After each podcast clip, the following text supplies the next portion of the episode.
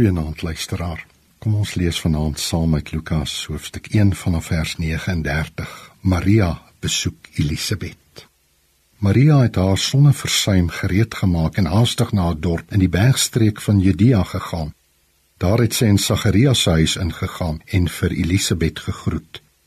Net toe Elisabet die groet van Maria hoor, het die kindjie in Elisabet se moederskoot beweeg en sy is met die Heilige Gees vervul. Nadat Maria gehoor het dat sy 'n seun in die wêreld sal bring, het sy sonder versuim na haar familielid Elisabet in die bergstreke van Judea gegaan. Dit is nie sonder rede dat hierdie besoek aan Elisabet en haar man Sagaria vertel word nie, want hierdeur wil Lukas aan ons oordra dat die geboorte van Jesus teruggaan na die wonderdade van God wat hy al in die verre verlede vir sy volk gedoen het. Van Sagaria en sy vrou Elisabet herinner ons aan die aardsvader Abraham en sy vrou Sara. Abraham en Sara was ook kinderloos geweest en was ook reeds op hoë ouderdom toe hulle gehoor het dat hulle 'n kind van die Here af sou kry. Boonop was Sara net soos Elisabet onvrugbaar, tog het hulle 'n kind van die Here ontvang. Maria self herinner ons ook weer aan 'n ander vrou in die verre verlede van die volk Israel se geskiedenis, naamlik aan Hanna. Sy was ook aanvanklik kinderloos, maar word die jubelende moeder van Samuel, die profeet van die Here. Sowel Hanna en Maria jubel oor hulle kind wat hulle van die Here ontvang het. Lukas wil egter ook nog verder gaan om die bedoeling van Jesus se geboorte met die geskiedenis van Sagaria en sy vrou Elisabet te verbind.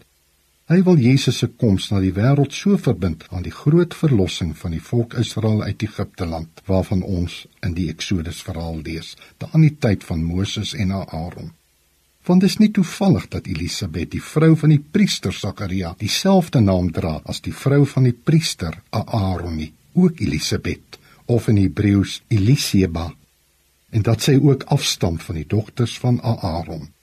So lig Lukas die ooreenkomste uit van die gebeure by Jesus se geboorte met die gebeure alreeds in die vroeë geskiedenis van die volk Israel om daarmee te sê Jesus se koms is al daarin vooruitgesien en geprofeteer en beklemtoon dan die groot wonderdade van God wat deur al die eeue besig is om sy volk en die mens op aarde te kom verlos en heel te maak. Hemelse Vader, hier waar ons op die vooraand van Kersfees staan en ons sien elke keer u wonderbaarlike mag en krag raak, staan ons verwonderd, Here, dat u ons so liefhet dat u hierdie verlossing vir ons kom bewerk het deur eenvoudige mensies wat hulle vertroue in u gestel het. Gee dat ons u dan ook met ons verlossing wat u vir ons bied sal vertrou. Amen.